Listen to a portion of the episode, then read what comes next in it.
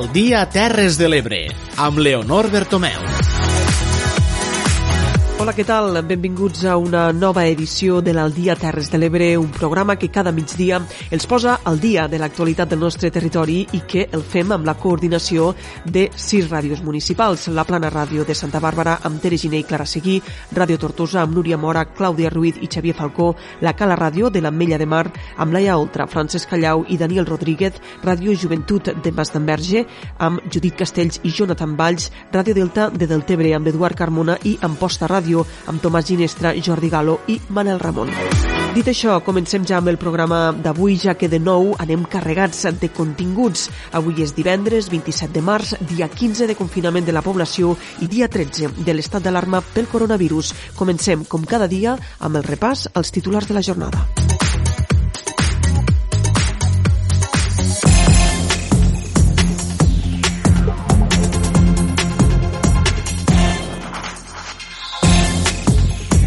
La regió sanitària confirma 16 nous positius i la segona mort per coronavirus a les Terres de l'Ebre. El número total d'infectats és ja de 57. Un dels casos confirmats és un home de Deltebre. També dos guàrdies civils destinats a Vandellós 2 donen positiu per coronavirus. Salut contacta amb joves de Santa Bàrbara que van estar de creuer ara fa uns dies pel positiu per Covid-19 d'una professora que els acompanyava. La UGT Terres de l'Ebre denuncia deficiències de seguretat en algunes empreses per prevenir el coronavirus. Les ramaderies de braus de les Terres de l'Ebre veuen un moment complicat del sector i avancen que podrien fins i tot reduir a la meitat els caps de bestiar. El sector turístic, un dels grans afectats pel coronavirus, obligat a tancar portes fins nou avís i dona ja per perduda la campanya de la Setmana Santa. Els pescadors de la costa de l'Ebre afectats també per la baixada del preu del peix. Deltebre posa en marxa la campanya Tot anirà bé, dibuixem esperança i anima els infants a dibuixar totes les emocions i sentiments que viuen durant el confinament. Santa Bàrbara repartirà 43 targetes moneder per a les beques menjador. La llar d'infants de l'Ametlla de Mar segueix fent activitats des de casa amb vídeos. Pel que fa a la plana cultural, l'escola i la banda municipal de música de Tortosa convida els músics a sortir al balcó a interpretar l'himne de l'alegria.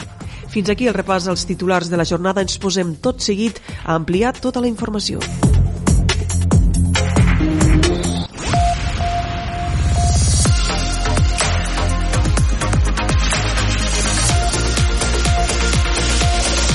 Al dia, les notícies de les Terres de l'Ebre.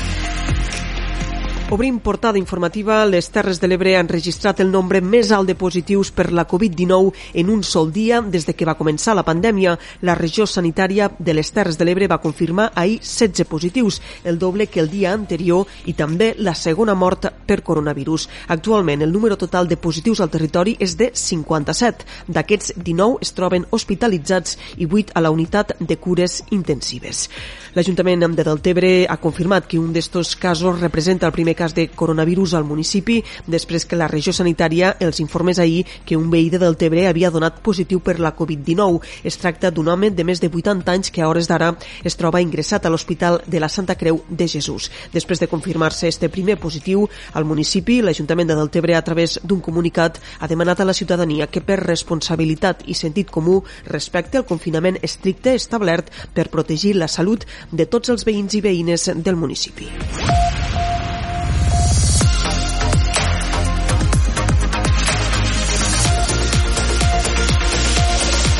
Al dia. Dos agents de la Guàrdia Civil destinats a Vandellós, dos han donat positiu també per coronavirus i es mantenen confinats en quarantena a Tarragona. L'activitat a les centrals nuclears continua amb estrictes mesures de seguretat, però s'ajornen actuacions com la recàrrega de combustible prevista d'aquí a uns dies als reactors d'Ascó. Informa des de la Cala Ràdio Laia Oltra. Els dos agents de la Guàrdia Civil s'haurien contagiat mentre feien un curs d'especialització a l'Acadèmia Militar de Valdemoro, a Madrid. L'activitat formativa es va suspendre el dia 13 de març i l'escamot destinat a la nuclear va tornar fins a Catalunya, on dies després es va confirmar que s'havien contagiat del Covid-19. Des de l'entrada en vigor de l'estat d'alarma, totes les centrals nuclears catalanes han reforçat les mesures de seguretat per garantir la seva operació. De fet, molts treballadors externs fan la feina des de casa i a la planta només hi ha els equips humans imprescindibles. Per això s'han ajornat treballs i obres no urgents. En la mateixa línia s'ha ajornat l'inici de la 27a recàrrega de combustible de la unitat 1 d'Escó, que estava programada per al 18 d'abril. El titular de la central ANAF ha fixat una nova data, el 28 d'abril, 10 dies després del previst. La decisió s'ha pres perquè s'està revisant el projecte per garantir totes les mesures de prevenció necessàries. I el Departament de Salut ha contactat amb joves de Santa Bàrbara que van estar en un viatge de creuer pel positiu per Covid-19 d'una professora que els acompanyava. Els alumnes van marxar la setmana abans que es decretés el confinament al país. Informa des de la Plana Ràdio Tere Giner. Els instituts, professorats i alumnes segueixen la rutina lectiva amb la màxima normalitat possible. Elies Les Planes de Santa Bàrbara és un dels centres del territori que està equipat amb mitjans audiovisuals i que ja treballa des de fa temps amb llibres digitals per tal d'abaratir costos i també per estar al dia amb aquest entorn. Aquests dies de confinament, tot i no poder oferir classes presencials, gràcies a les noves tecnologies, la majoria d'alumnes poden seguir amb la matèria. Així ho explicava el director d'Elies Les Planes, Josep Lluís Vidal. Ja des de, jo diria que en son demà de tancar el centre, ja ens vam posar eh, a, la, a la feina de mitjançant els tutors, eh, eh, tots els mitjans que vam poder comunicar-nos amb els alumnes, ja se'ls va començar a donar feina, feina que hem d'entendre que és una feina eh, de, de repàs, que és una feina que, que de vegades no, hem de pensar que el que ha de buscar és este desenvolupament personal de l'alumne, no? de, de, de, de que tinguin certa autonomia. Eh, però sí que és una feina recomanable per a que no perguin eh, pues, l'hàbit. Professors i alumnes mantenen el contacte diari, així que, encara que no es donin classes, preparen continguts des de casa i també s'envien les tasques a l'alumnat a través dels llibres digitals. Estem preparant continguts, estem enviant eh, tasques educatives a, a l'alumnat, bàsicament per mig del, dels, dels entorns digitals de les, de les, dels llibres digitals, en aquest cas doncs, del Gueras, o altres editorials que han obert els seus llibres digitals, que per cert és, és, és algo que s'ha d'agrair, especialment perquè ho fan eh, sense cap mena de cost, i eh, mitjançant també el Moodle. Uh mhm. -huh. El Moodle és, pot ser la, una de les eines més utilitzades per a, per a pues, mantenir aquest contacte digital amb l'alumne. El director de l'IES Les Planes en recordava que a causa de la situació actual el departament ha obert espais de formació extraordinaris perquè el professorat es pugui formar formacions eh, per al tema digital, activitats per a proposar als alumnes. A més, eh, també estan elaborant un nou pla d'acció amb centres eh, d'educació en línia per tal d'oferir la màxima formació possible al professorat i perquè ells tinguin una màxima connexió amb l'alumnat. I davant aquest increment constant de casos de coronavirus, atenció a la denúncia que ha fet la UGT a les Terres de l'Ebre, que alerta que algunes empreses del territori no apliquen les mesures de seguretat per prevenir el coronavirus. Informa des de Ràdio Tortosa, Núria Mora. Seria el cas d'Indústria Real, ubicada al polígon Bagebre de Campredó, a Tortosa. Segons el sindicat UGT Les Terres de l'Ebre, l'empresa no està aplicant les mesures imprescindibles, com ara guardar la distància de seguretat entre treballadors o proporcionar al personal que segueix treballant els EPI necessaris o les mesures de protecció bàsiques. El sindicat denuncia que d'aquesta manera no s'està contribuint a tallar l'escampament de la pandèmia del coronavirus. Així ho ha explicat el secretari d'Organització de la UGT a les Terres de l'Ebre, Fabra, Moisés Fabra. Estem parlant de que no tenen mascaretes, no tenen els EPIs necessaris de protecció, les distàncies entre treballador i treballador no són les adequades i, i tampoc estan tenint intencions ni voluntat en un principi de poder-ho aplicar. Hem tingut diverses queixes de treballadors d'esta empresa i nosaltres necessitem i demanem a totes les empreses que no estiguen aplicant les mateixes mesures, sinó que eh, puguen tenir eh, tots els seus treballadors i treballadores els EPIs necessaris i així entre tots facilitar que la pandèmia no es faci més extensiva tampoc en aquest territori. D'altra banda, la secció sindical de la CGT Ebre a l'Hospital Verge de la Cinta de Tortosa ha exigit a la direcció del centre hospitalari que es doti el personal dels mitjans necessaris de protecció per minimitzar els riscos de contagi del Covid-19. El sindicat ha denunciat que no es desinfecten les cadires de rodes i que s'utilitzen llençols per cobrir-les, un mètode que asseguren des de la CGT no és segur per prevenir el contagi del coronavirus. Seguim repassant l'actualitat al dia Terres de l'Ebre. La crisi del coronavirus tindrà conseqüències econòmiques importantíssimes en molts de sectors. Avui posarem els focus en alguns d'ells. D'entrada parlem del sector taurí, ja que la crisi sanitària ha fet que es suspenguen les primeres activitats taurines a les Terres de l'Ebre, un fet que fa veure amb pessimisme la situació per part de les ramaderies de bous braus de les nostres terres. Els ramaders alerten que possiblement hauran de reduir caps de bestiar si no hi ha ingressos. Informa des de Ràdio Amposta Manel Ramon. Efectivament, les ramaderies extensives de bous braus de les Terres de l'Ebre adverteixen que es veuran obligades a reduir els caps de bestiar a la meitat si la crisi sanitària del coronavirus s'allarga i la temporada taurina no arranca. De moment, les primeres festes majors amb actes amb bous ja han quedat suspeses. És el cas d'Aldover i de Mas de Barberans, però la situació es podria allargar fins ben entrat l'estiu. Durant l'abril i maig, els ramaders podrien deixar d'ingressar entre 7.000 i 15.000 euros de mitjana, però els animals diuen s'han de seguir alimentant i els costos costos i impostos no s'aturen. Els ramaders de Bous Braus ja donem per fet que la temporada taurina arrencarà en ple estiu si la situació sanitària ho fa possible. Asseguren que és una crisi humanitària i primer és la salut i s'han de fer les coses bé i tots estan per donar un cop de mà, però serà un desastre econòmic per a les ramaderies de les Terres de l'Ebre. Així ho deia un dels representants de criadors de bous, Paco Palmer. És un desastre perquè les ganaderies viuen al dia, el menjar se dona cada dia, i del sector primari, que és l'agricultura i la ganaderia, l'únic que, que no té ingressos ara, cap tipus d'ingressos, és el que es dedica a fer a, a populars, a, a correbous, que diem aquí. Perquè l'altre pues, sí que tindrà poca rentabilitat, però, però bueno, el que té vaques de carnes porta matadero, el que té vaques de llet d'esmunt, el que té cabres i ovelles el mateix. En canvi, el que té vaques braves pues, només són per espectacle i això el que pot comportar si s'allarga pues, és una de reduir la cabanya a número de, de, de, de caps. Nosaltres aquí a Catalunya tenim 1.200 caps de vaca brava.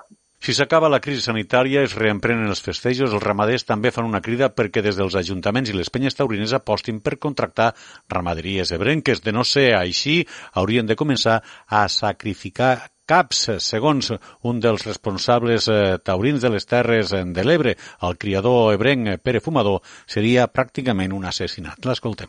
Tot continua cobrant-se eh, els impostos i els gastos que han que se mengen per poder sobreviure. A llavors, si hem de matar animals, això serà un assassinat, eh? no un crimen, un assassinat. Un assassinat d'animals que estan seleccionats, animals que han passat un sanejament. Des de la Federació de Penyes i Comissions Taurines de les Terres de l'Ebre han mostrat el seu suport a totes les poblacions que es veuen abocades a suspendre les celebracions i els ramaders, però han assegurat que estan convençuts que els pobles i ciutats treballaran per tal que, com, quan tot això s'acabi, es puguen dur a terme tots els actes que ara han estat suspesos. Parlem ara del sector turístic. Els hotels, els càmpings i altres establiments turístics com les cases rurals estan patint directament les mesures decretades per l'estat espanyol amb la declaració de l'estat d'alarma pel coronavirus que des d'ahir han d'estar ja tots obligatòriament tancats, si bé molts ja ho van fer des del minut zero. De fet, el sector ja dona per perduda la Setmana Santa i no espera recuperar les pèrdues d'aquesta campanya. Ens informa des de Ràdio Joventut Judit Castells. Hotels tancats i barrats, una altra de les imatges que s'està vivint al territori en plena pandèmia de la Covid-19. Un sector totalment afectat per les mesures preventives que ha decretat l'estat espanyol amb la declaració de l'estat d'alarma. De fet, des d'ahir l'activitat de tots els establiments turístics ha d'estar suspesa obligatòriament. Un tancament que afecta el sector turístic tot just a l'inici de la temporada alta, a 10 dies de Setmana Santa, i que en alguns casos se tradueix en tot un mes de reserves perdut. Així ens ho explica Cristina Bertomeu, propietària de Casa Enric. La situació actual a mi m'ha afectat moltíssim. Tenia tot el mes d'abril en reserves i tenia bueno, pues una expectativa molt bona de cara a la primavera, cosa que ha quedat completament anul·lat, lògicament. Eh, desitjo que quan passi això, les escapades i les coses que poguéssim fer quan sigui hora, pues, que les féssim a la terra nostra i que el Delta de l'Ebre, que la gent vingui a visitar-ho i a veure si recuperant no podrem recuperar lo perdut, però evidentment potser sí tindrem alguna, alguna facilitat per a, per a poder sobreviure. Alguns establiments se van adonar de la gravetat de la situació a través dels clients. Parla José Llançola, recepcionista de l'hotel Llançola. Jo recordo molt bé de la, la primera cancel·lació, que era un grup d'amics familiars de, de València que tenien l'hotel i per a ells i fe, venien a fer pues, menús degustació i després a dormir. Ho van anul·lar i a detrás d'ells va ser una altra i una altra i una altra perquè arrel d'ells va ser, aquí passa cosa, no? Tampoc ens podem oblidar dins del sector turístic dels restaurants, que encara ven una temporada molt forta no només amb Setmana Santa, sinó també amb l'arribada de les comunions al mes de maig i les bodes amb el bon temps.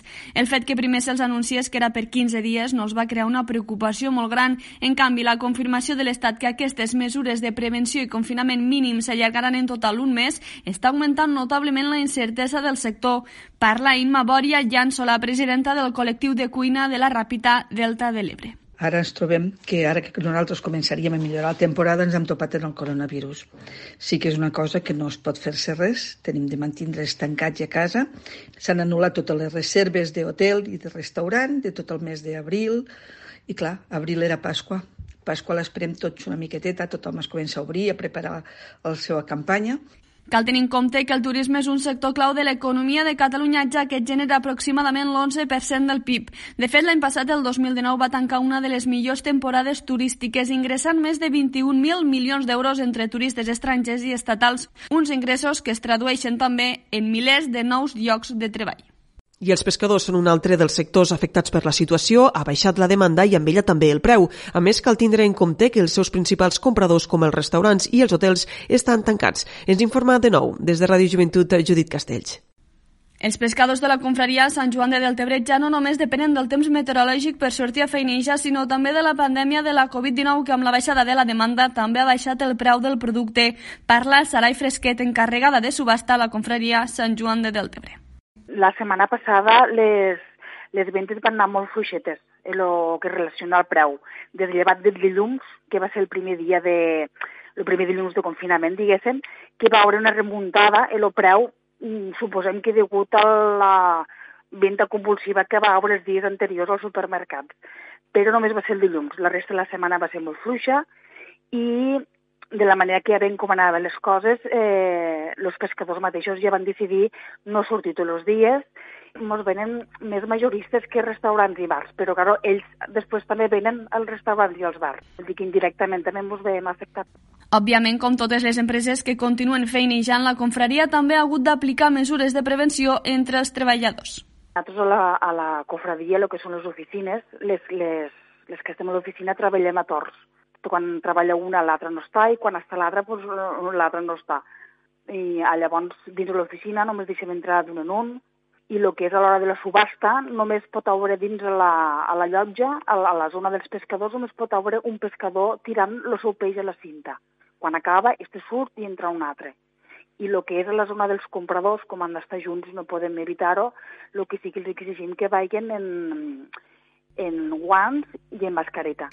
Els pescadors de la confraria se mostren positius en quant al nombre de captures, tot i que aquesta setmana el temps meteorològic no els ha acompanyat i només han pogut feinejar mariscadors. El cranc blau ha estat el producte estrella d'aquests dies.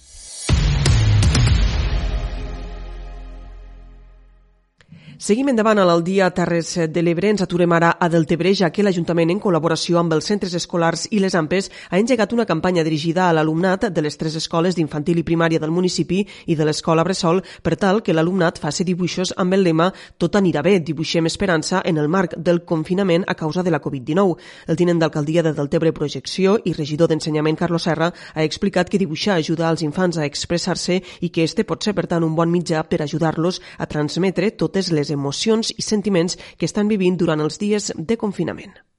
Sabem que el dibuix és un mitjà d'expressió doncs, on els xiquets i xiquetes desenvoluparan la seva capacitat introspectiva i exterioritzen les seues idees i els sentiments i per això pues, en l'actual context de crisi sanitària que estem vivint pues, cal escoltar-los i sentir més que mai els més minuts i minudes i ajudar-los a aprendre una mica més de consciència no? del món que, que els envolta.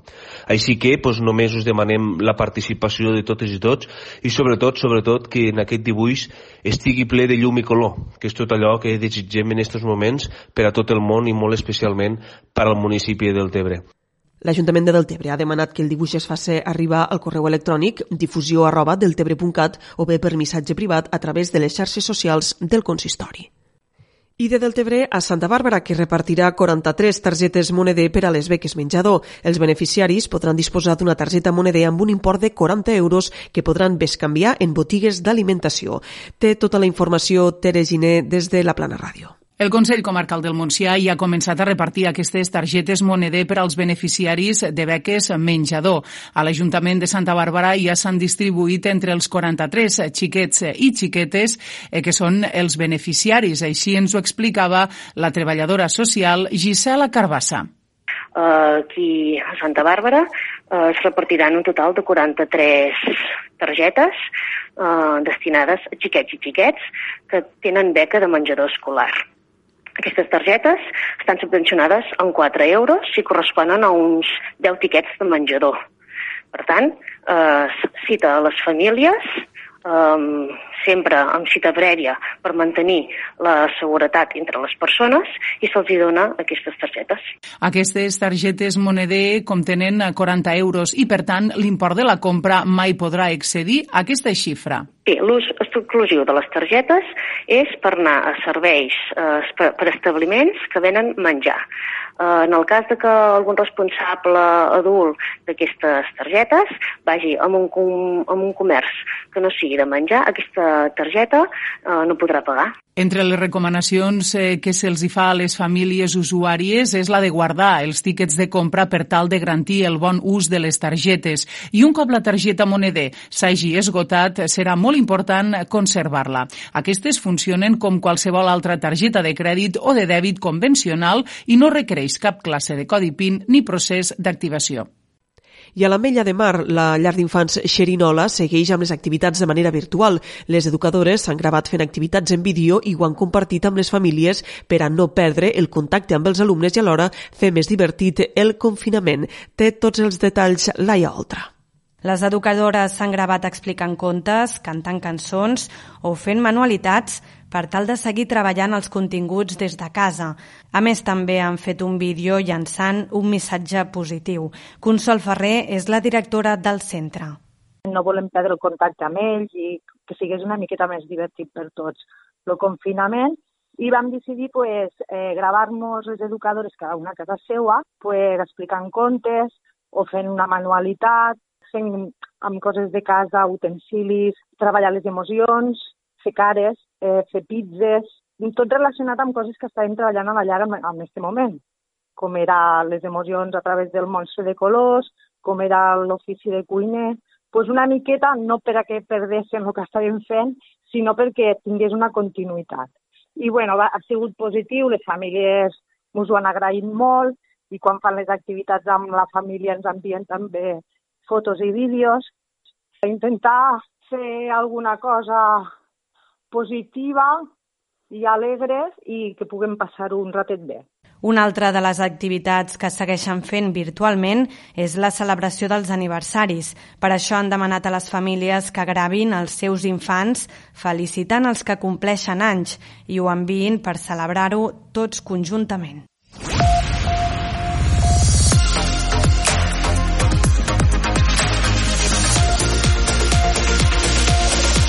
Al dia.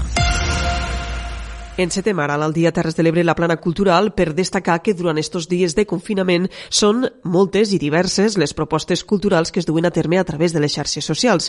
Estos canals també serveixen per fer una crida a traure la cultura als balcons, com la que ha proposat per avui divendres l'Escola i la Banda Municipal de Música de Tortosa. Informa Clàudia Ruiz. Així és, l'entitat tortosina convida a tothom qui vulgui a sortir a partir de les 6 de la tarda als balcons amb el seu instrument. Tots alhora interpretaran l'himne de l'alegria. La tria de l'obra no és casual, ja que enguany es commemora el 250 aniversari del naixement del seu compositor, Ludwig van Beethoven, però també per esdevenir un símbol a l'esperança i que des del 1985 és l'himne de la Unió Europea. Juanjo Grau, director de l'Escola de Música, afegeix que la senzillesa de la seva melodia fa que tothom la pugui tocar.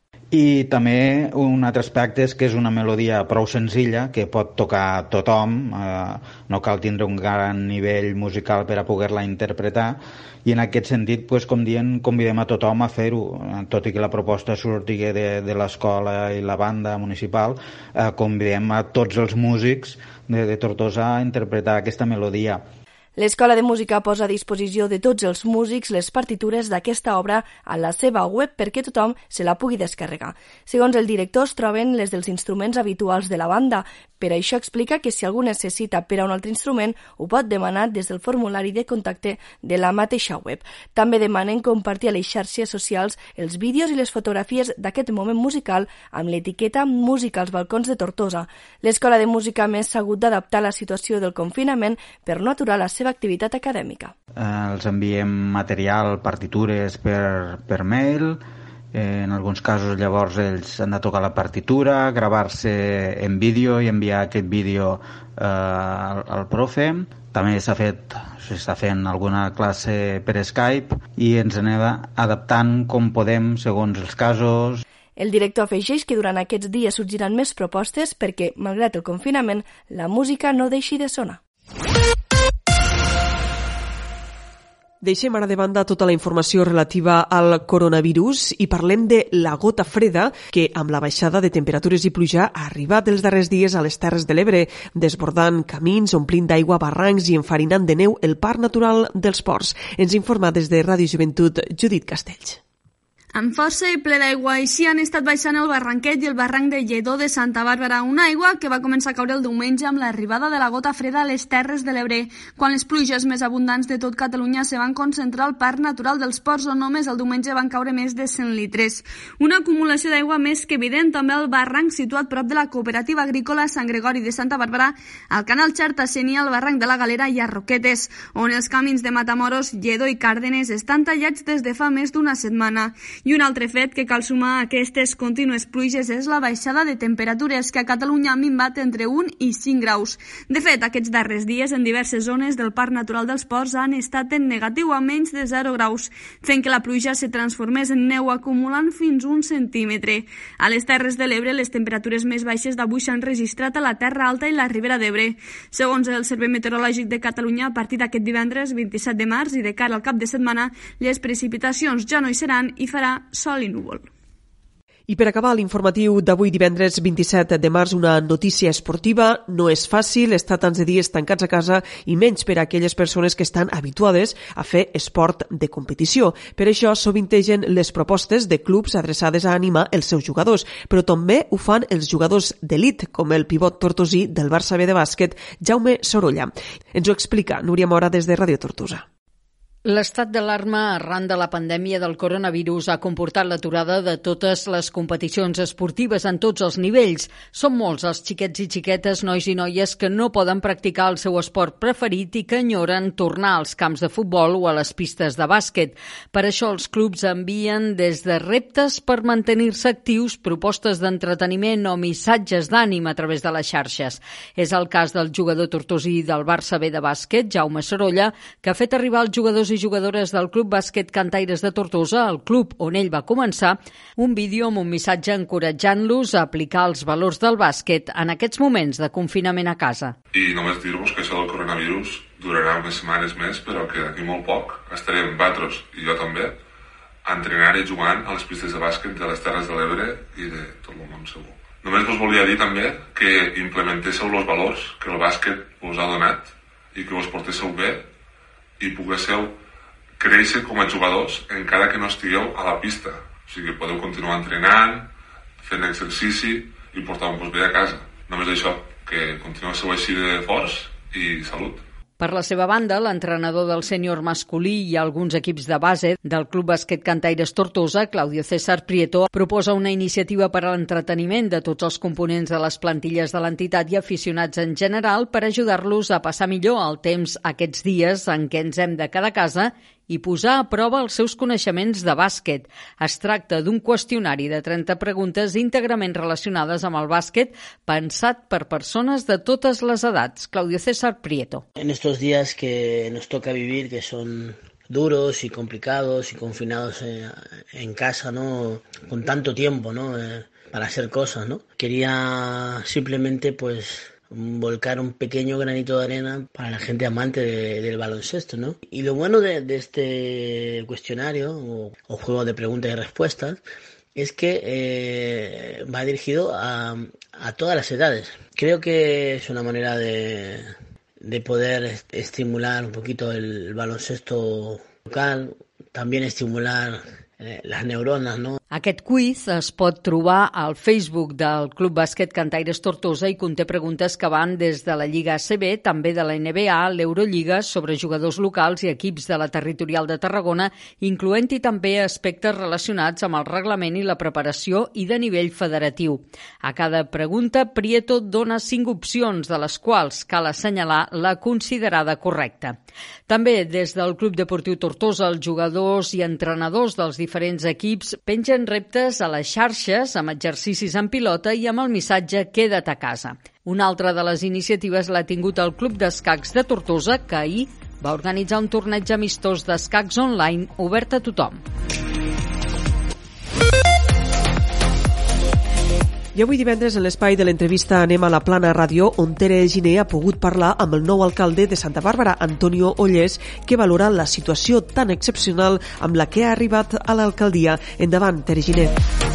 Efectivament, aquesta és la primera entrevista que li fem al nou alcalde, Antoni Ollés, que en menys d'un mes ha vist com de ser regidor ha passat a ser alcalde i com l'elecció del mateix es feia a porta tancada, intentant complir també les mesures de seguretat, que per cert també se segueixen d'una manera estricta a l'hora de fer aquesta entrevista. Antoni Ollés, benvingut. Hola, bon dia, Tere. Des de que va començar tot, esta, tot este episodi, pues, eh, clar, eh, la situació és de tot menys normal. Eh? És, és, és el dia a dia que nos trobem i intentem fer totes les recomanacions que nos, que nos arriben i clar, eh, l'Ajuntament pues, també hem de donar exemple i intentar prendre precaucions en la mesura que sigui possible però clar, eh, hi han feines que continuen i no es poden deixar eh, aturades. Uh -huh. Entonces, clar, és un difícil equilibri entre intentar fer la màxima feina possible, però a la vegada eh, no posar en risc eh, innecessari a, als nostres treballadors ni a les persones. No? De fet, jo recordo que en una altra entrevista que et vam fer eh, comentàvem que aquestes circumstàncies en les que arribes a l'alcaldia són totalment surrealistes. El fet de la teva arribada, inclús el dia que sí. vas, eh, que vas eh, adreçar-te als oients, la gent ho vas poder escoltar eh, des, de, des de la ràdio, comentaves tot el munt d'històries que, que anem arrastrant i que hem tingut que viure moments difícils aquí al nostre poble, en aquest darrer Sí, sí, sí, des de que va prendre possessió Alfred a, al juny del 2019, pues bueno, nos ha passat pràcticament de tot. Hem tingut ventada a la fira, que no era la primera, però, però bueno, una ventada important que nos va obligar a tancar eh, el dissabte a la tarda, no, el dissabte al matí, dissabte al, al migdia, sí, vam tancar la fira, no va poder eh, estar oberta al públic, eh, hem tingut una tempesta tremenda, la tempesta Glòria ara fa dos mesos, hem tingut pues, bueno, una mica de tot, robatoris, una onada de robatoris que també alarma molt a la població, eh, la dimissió d'un alcalde, que no és una cosa freqüent, de fet a Santa Bàrbara pues, no se'n recorda aquest fet, almenys des de, de los últims 40-50 anys, i bé, pues, bueno, és una situació, ja t'he dit, eh, arribar al càrrec en aquestes en estes condicions pues, no és el que un pensa que, que pot arribar a passar, però les coses s'han d'assumir i bueno, tirem endavant de la millor manera possible. Uh -huh. De fet, tu ja, ja, portaves, ja portes molts anys com a, com a regidor aquí al nostre municipi. Ha canviat molt eh, de, de ser regidor a ser alcalde durant aquests darrers dies? Ha canviat molt? Mm, bé, jo de moment continuo actuant de la mateixa manera. Sí que és veritat que tens una sensació una mica estranya eh, per com te mira la gent o no sé, o Eh, he rebut trucades, a lo millor que en altres circumstàncies pues, no rebria, felicitacions que han arribat de, de molts de llocs. Sí, és una situació diferent, però la feina bueno, continua sent la mateixa i eh, que estigui jo ara al càrrec pues, no, no vol dir res, hem de continuar mantenint el mateix rumb i intentar fer les coses el millor possible. De fet, això no ha canviat, perquè també ho, ho, has, eh, ho vas comentar, que seguíeu amb la fórmula del pacte amb Esquerra Republicana de, de Catalunya i que, en principi, el tema del pentapartit, que també et proposava el Partit Popular, no, no ho teníeu contemplat. Sí, sí, des del principi ja vam, vam veure que el, bueno, el que era bo fa nou mesos pues, continua sent bon ara. Nosaltres, en Junts per Santa Bàrbara, estem satisfets de com s'està treballant, estem contents.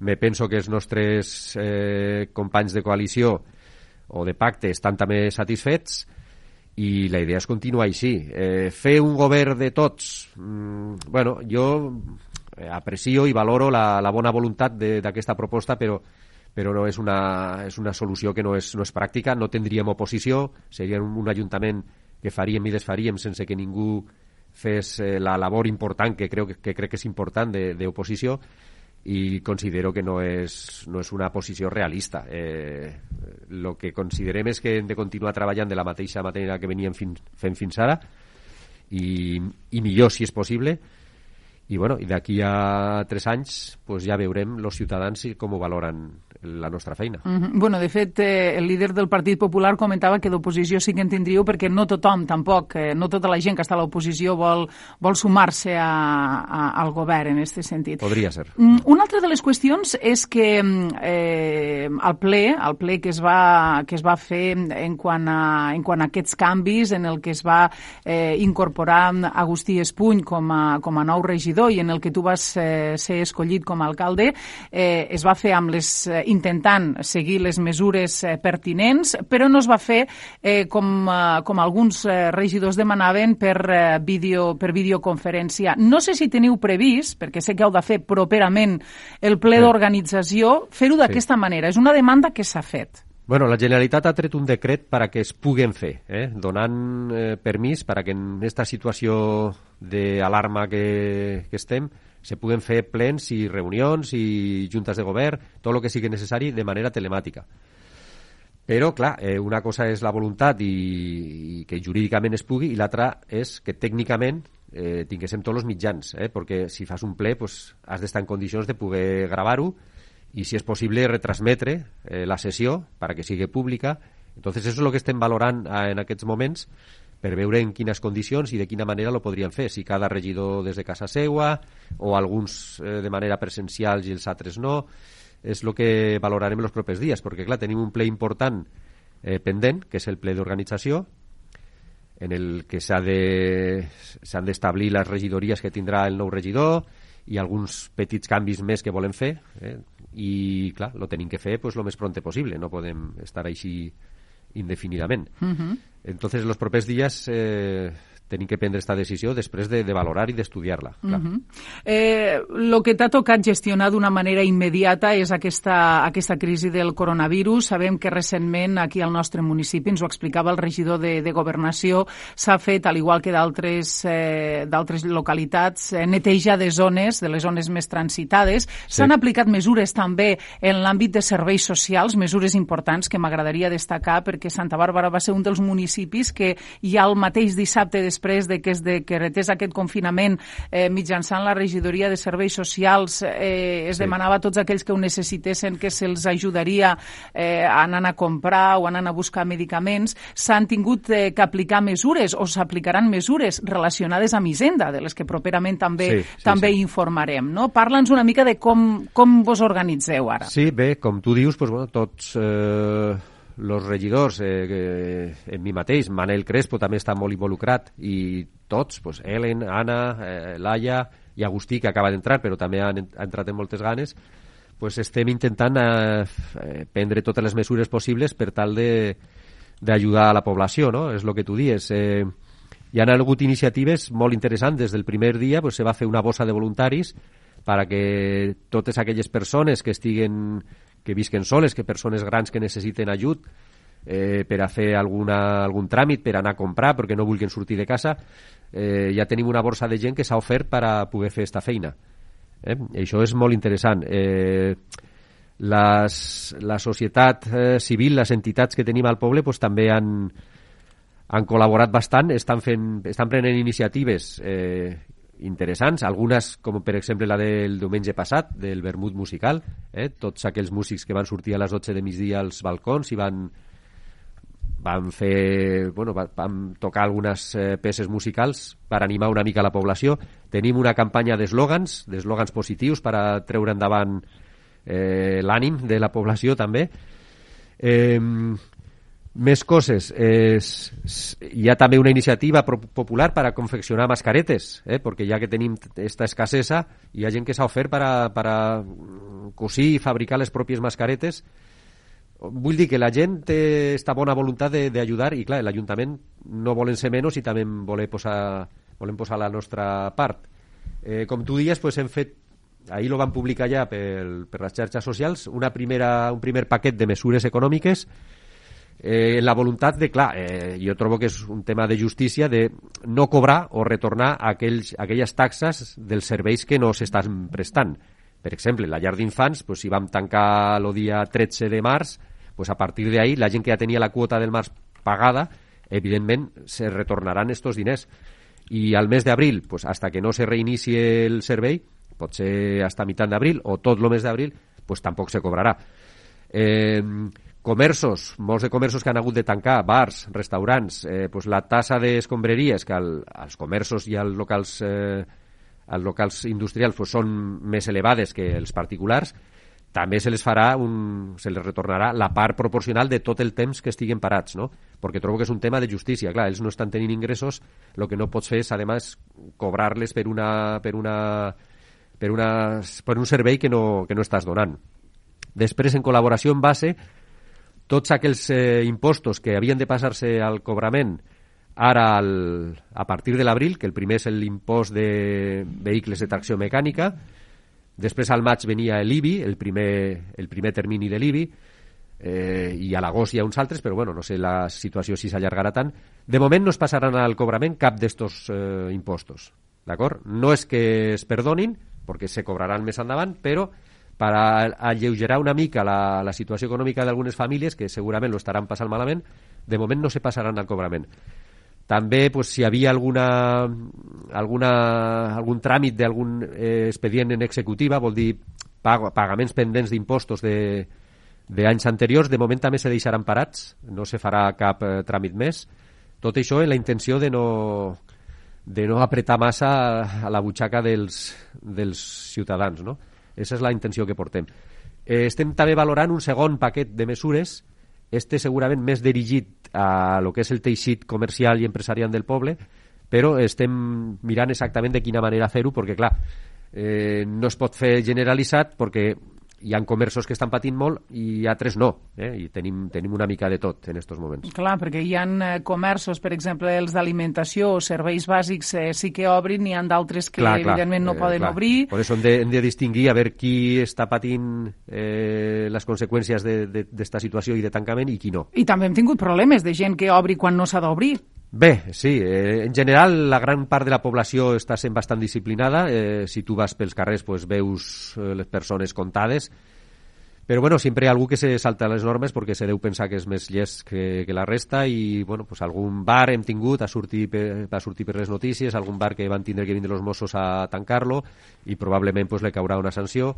Clar, hem de, hem de col·laborar tots. Ja sabem que no és una situació agradable, que ningú l'hem buscat, però si col·laborem i tots som una mica disciplinats i nos mantenim el màxim de temps possible tancats i no nos relacionem, aconseguirem, aconseguirem frenar l'expansió del virus, que és de lo que es tracta. Eh? Uh -huh. Evitar que se contagi més gent, frenar-ho. Eh, estem quasi, quasi a la recta final d'aquesta entrevista. Per cert, a l'Ajuntament com es treballa? Es treballa porta tancada? Estan tots els treballadors? Feu torns? Què és el que feu? Bueno, cada servei hem hagut d'adaptar-nos una mica. Eh? eh mira, hi ha serveis que directament estan a casa. La llar d'infants, pues, les sis persones que treballen allí, eh, els primers dies vam tindre uns dubtes, se van quedar fent algunes feines eh, que teníem pendents, però finalment vam decidir marxar cap a casa.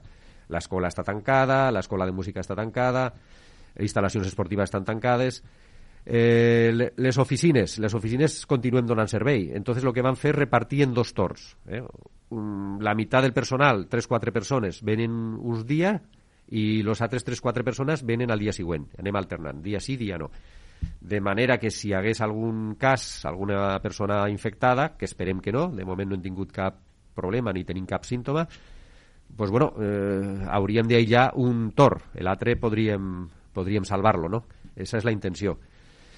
La brigada continua està pen, estant pendent de coses que van sortint pel poble, perquè, clar, no, no, no, no, això no, no es para, sempre hi ha reparacions que fer. El dissabte passat van fer una desinfecció de les zones més concorregudes i bueno, intentem portar-ho de la millor manera possible. Els regidors nos trobem pues, eh, lo mínim possible, ja han començat a fer també eh, alguna reunió via telemàtica des de casa, és una mica complicat perquè clar, has de respectar millor el, el torn de paraula, no parlar tots a la vegada, perquè si no, no t'entens però anem fent el que podem, nos anem adaptant a una situació que fins ara pues, no s'havia viscut mai. No? Molt bé.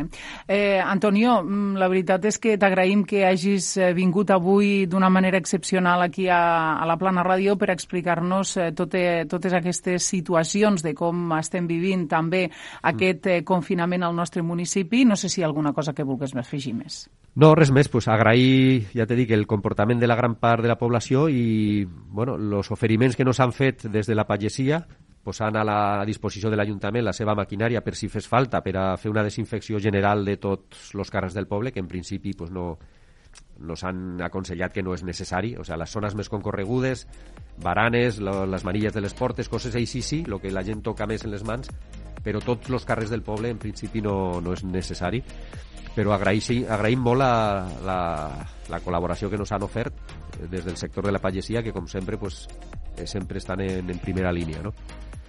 Molt bé, moltes gràcies.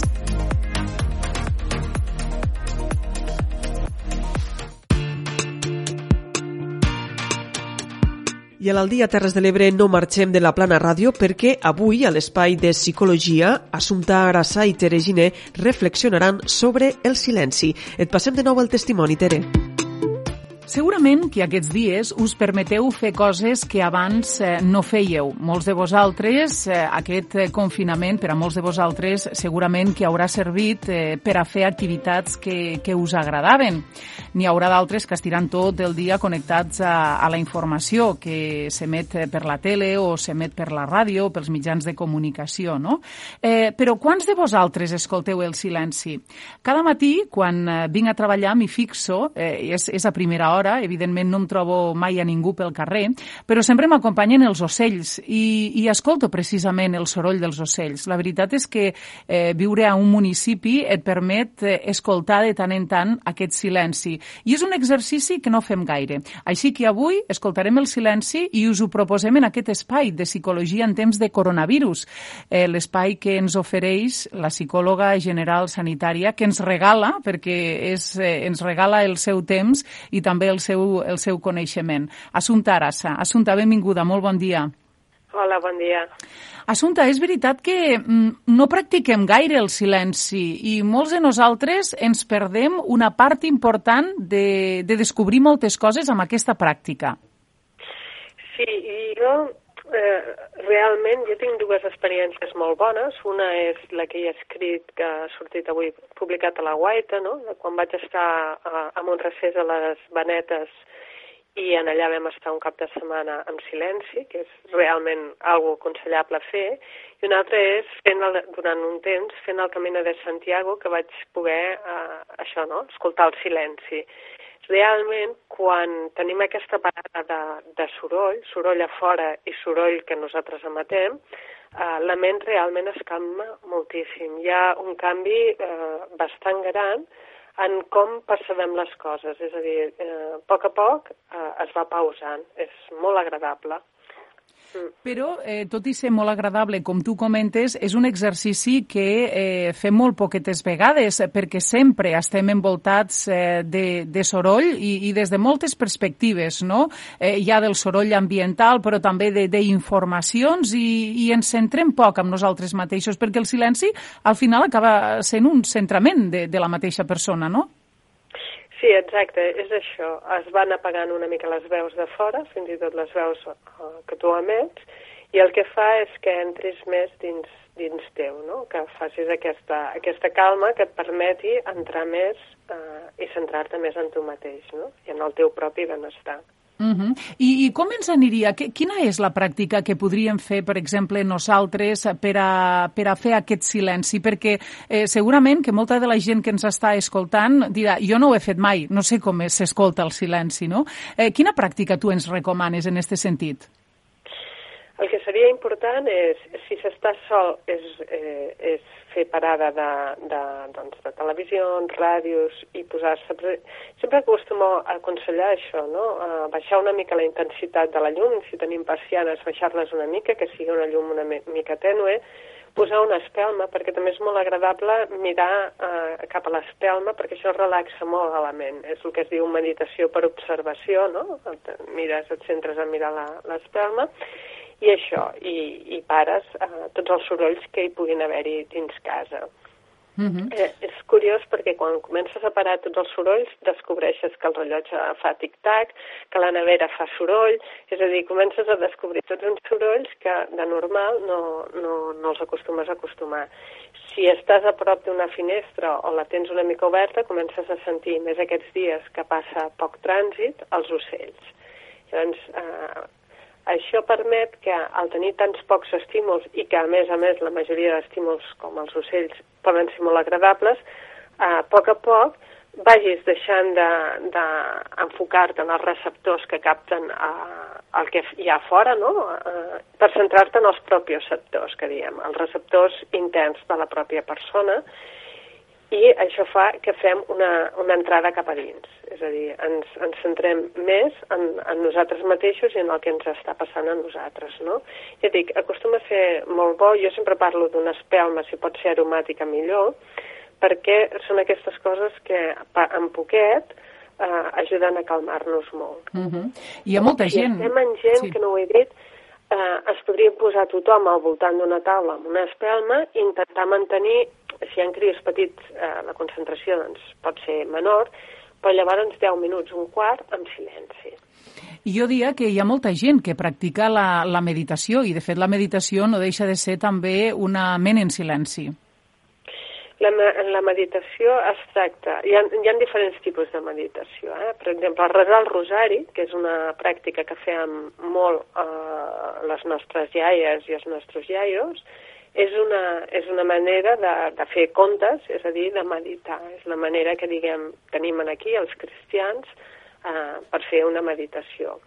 Els budistes tenen també eh, els contes, els musulmans també, però n'hi ha molts tipus. Hi ha eh, la meditació per observació, és a dir, posar pues, això, una espelma, centrar-te en, aquella, en la llum mm, de l'espelma i com es va manejant i a poc a poc entres també en, en parada de pensament, o moltes vegades és amb la repetició d'un mantra, ja sigui verbal cap al fora o sigui mental cap endins, que aquesta seria l'altra eh, meditació transcendental, aquest que no es verbalitza el mantra, sinó que es fa internament. Molt bé, la veritat és que si parléssim de meditació podríem ampliar-ho moltíssim. Jo em sembla que el que hem de fer avui, eh, amb, aquest, eh, amb aquestes recomanacions que tu ens fas, és eh, respirar, que també és molt important, i, i començar a practicar el silenci. Gràcies, Assumpta. Gràcies a vosaltres.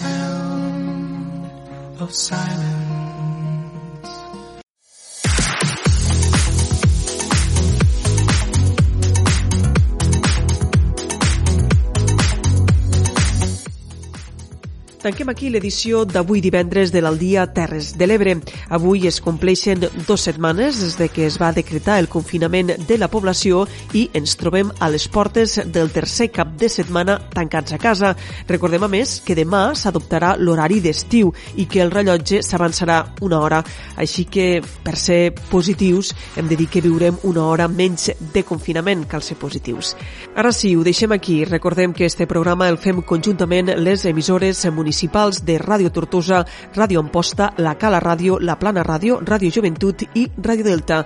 Això és tot per ara. Ens retrobem dilluns. Bon cap de setmana.